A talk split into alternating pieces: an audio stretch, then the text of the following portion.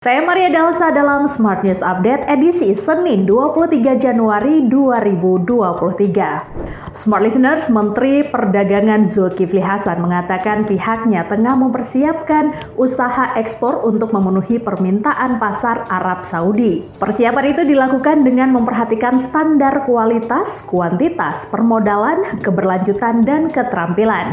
Zulkifli mengatakan yakin produk ekspor Republik Indonesia yang berkualitas dapat terus meningkatkan di pasar Arab Saudi.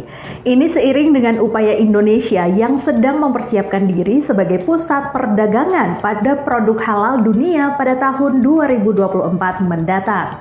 Berita selanjutnya, Menteri BUMN Erick Thohir mengungkapkan 65% dana pensiun perusahaan-perusahaan plat merah bermasalah. Oleh karena itu, Erick intens berkoordinasi dengan Kejaksaan Agung dan Komisi Pemberantasan Korupsi dalam mengusut kasus dugaan korupsi di tubuh perusahaan plat merah termasuk Jiwasraya.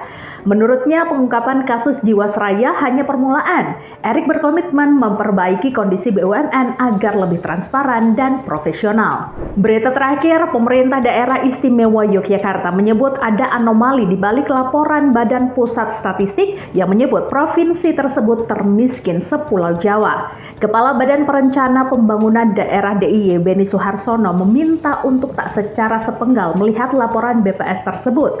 Dia menyebut jumlah penduduk miskin memang bertambah jika dilihat dari hitungan per kuartal. Sementara apabila dilihat dari kacamata hitungan per tahun, menurut Benny, angka kemiskinan DIY jelas menurun. Demikian pemberitaan hari ini, sampai berjumpa dalam Smart News Update berikutnya.